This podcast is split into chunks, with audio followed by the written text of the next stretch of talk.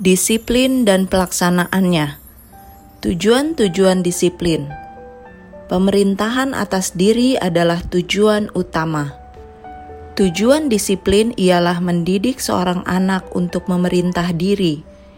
Ia harus diajar bersandar kepada diri sendiri dan mengendalikan diri. Oleh sebab itu, segera setelah ia sanggup untuk mengerti, maka daya pikirnya harus dibawa kepada penurutan. Biarlah segala perlakuan terhadap dia diadakan demikian rupa sehingga akan menunjukkan bahwa penurutan itu adalah baik dan masuk di akal.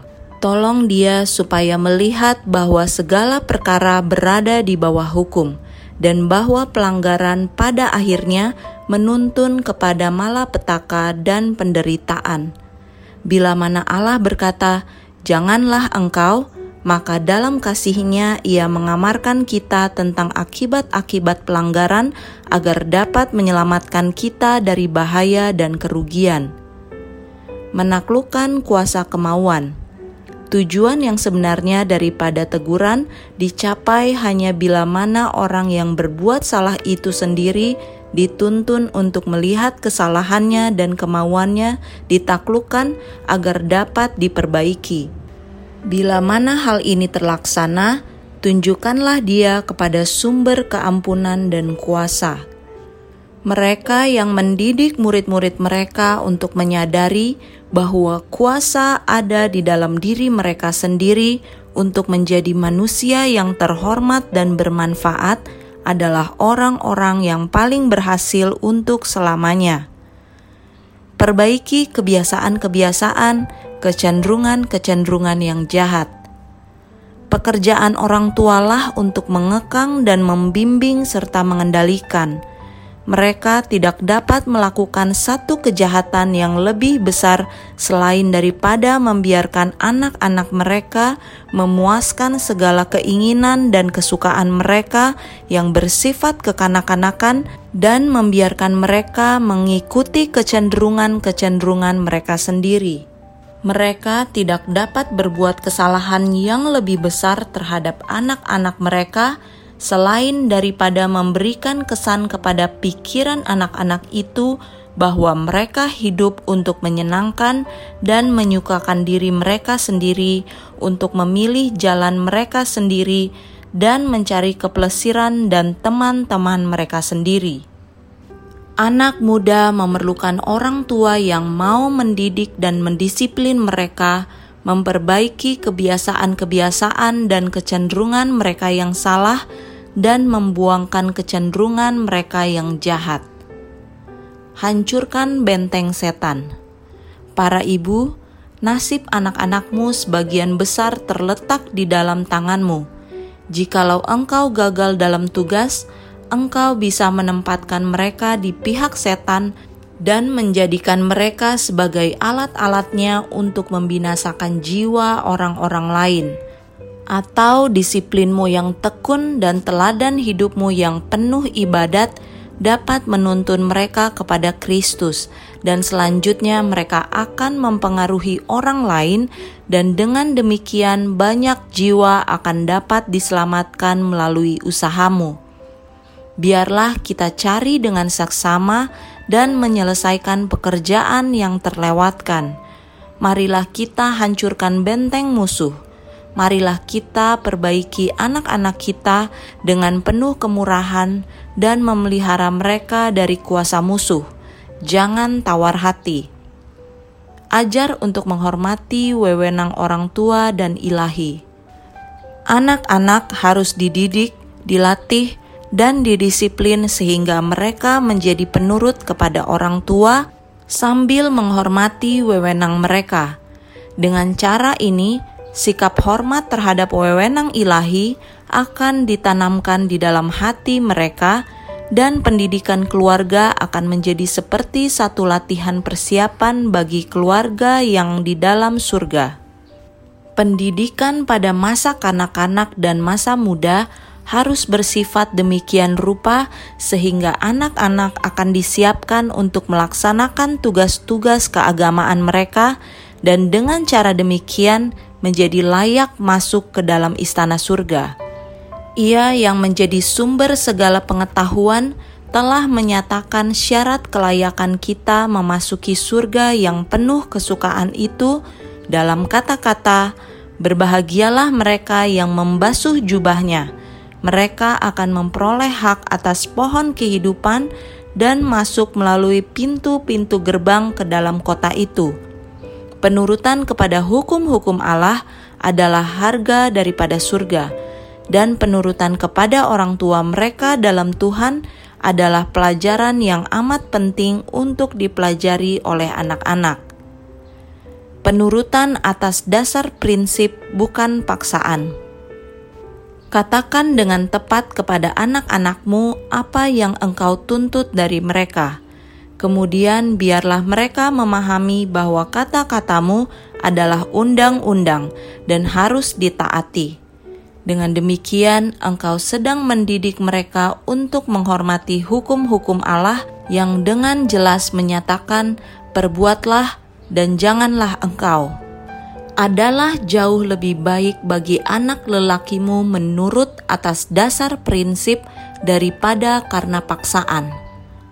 Sebuah pelajaran dalam kepercayaan yang penuh Ishak diikat oleh tangan yang gemetar dan penuh kasih dari bapaknya yang berkasihan itu oleh karena Allah telah mengatakannya. Anak itu menyerah kepada pengorbanan itu oleh karena ia percaya akan ketulusan bapaknya. Tindakan yang penuh iman dari Ibrahim ini dicatat untuk menjadi keuntungan bagi kita.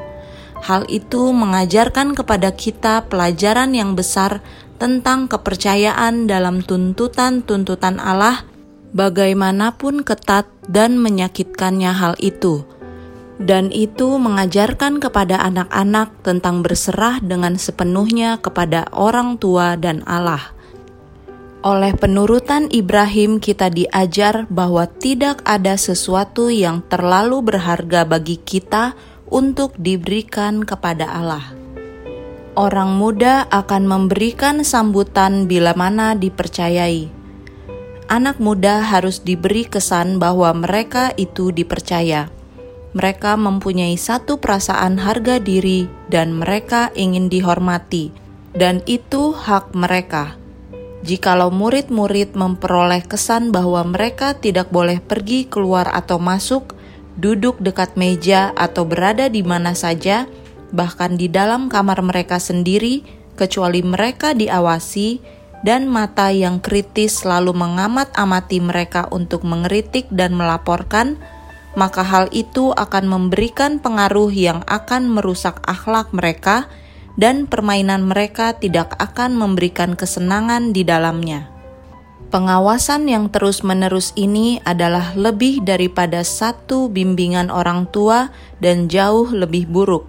Oleh karena orang tua yang bijaksana sering melalui akal budi dapat melihat sampai ke bawah permukaan dan melihat cara kerja pikiran yang gelisah di balik keinginan-keinginan orang muda atau di bawah kuasa penggodaan dan melaksanakan rencana-rencana mereka untuk menentang yang jahat.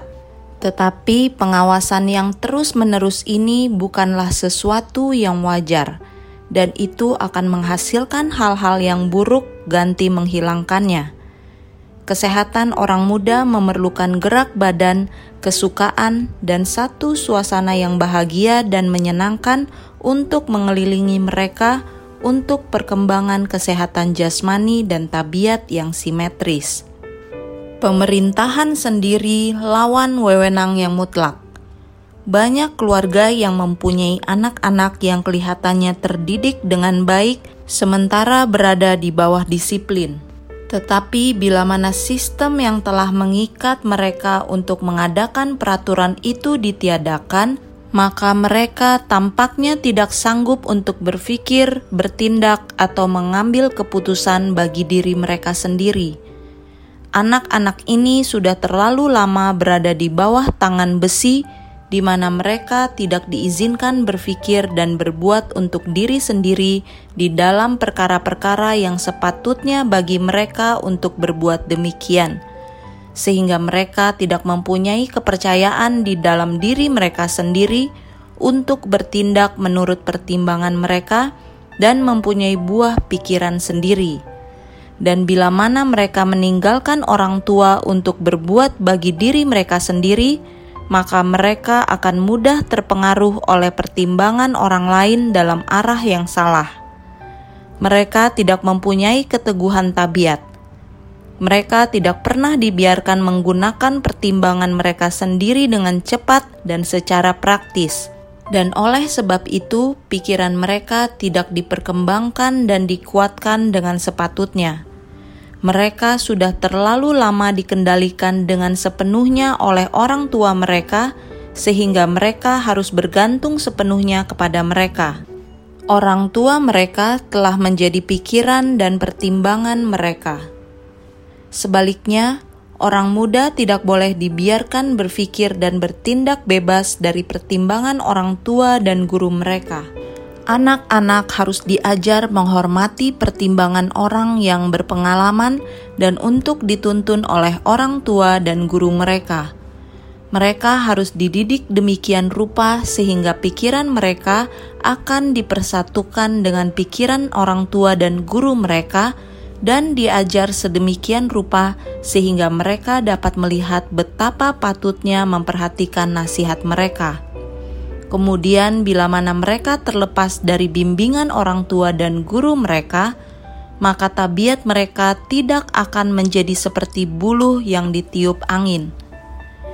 Mendidik orang muda dengan cara yang keras tanpa membimbing mereka dengan sepatutnya untuk berpikir dan berbuat bagi diri mereka sendiri menurut kesanggupannya untuk berpikir, sehingga dengan cara ini mereka akan mengalami pertumbuhan dalam pemikiran mereka, merasakan adanya rasa harga diri dan kepercayaan dalam kesanggupan mereka untuk berbuat akan selalu menghasilkan segolongan orang yang lemah dalam kuasa pikiran dan akhlak.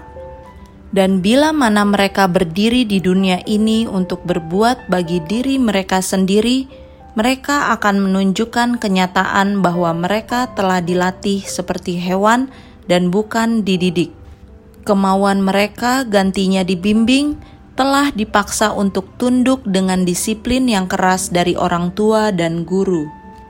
Akibat-akibat buruk bila mana satu pikiran menguasai yang lain.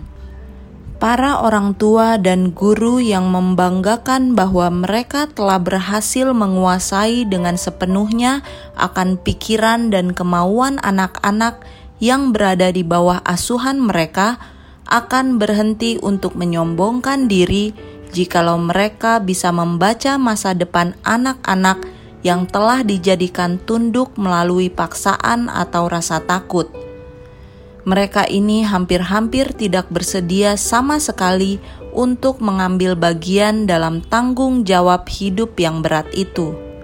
Bila mana anak-anak muda ini tidak lagi berada di bawah pengawasan orang tua dan guru, dan dipaksa untuk berpikir dan berbuat bagi diri mereka sendiri, maka hampir dapat dipastikan bahwa mereka akan mengambil jalan yang salah dan menyerah kepada kuasa penggodaan.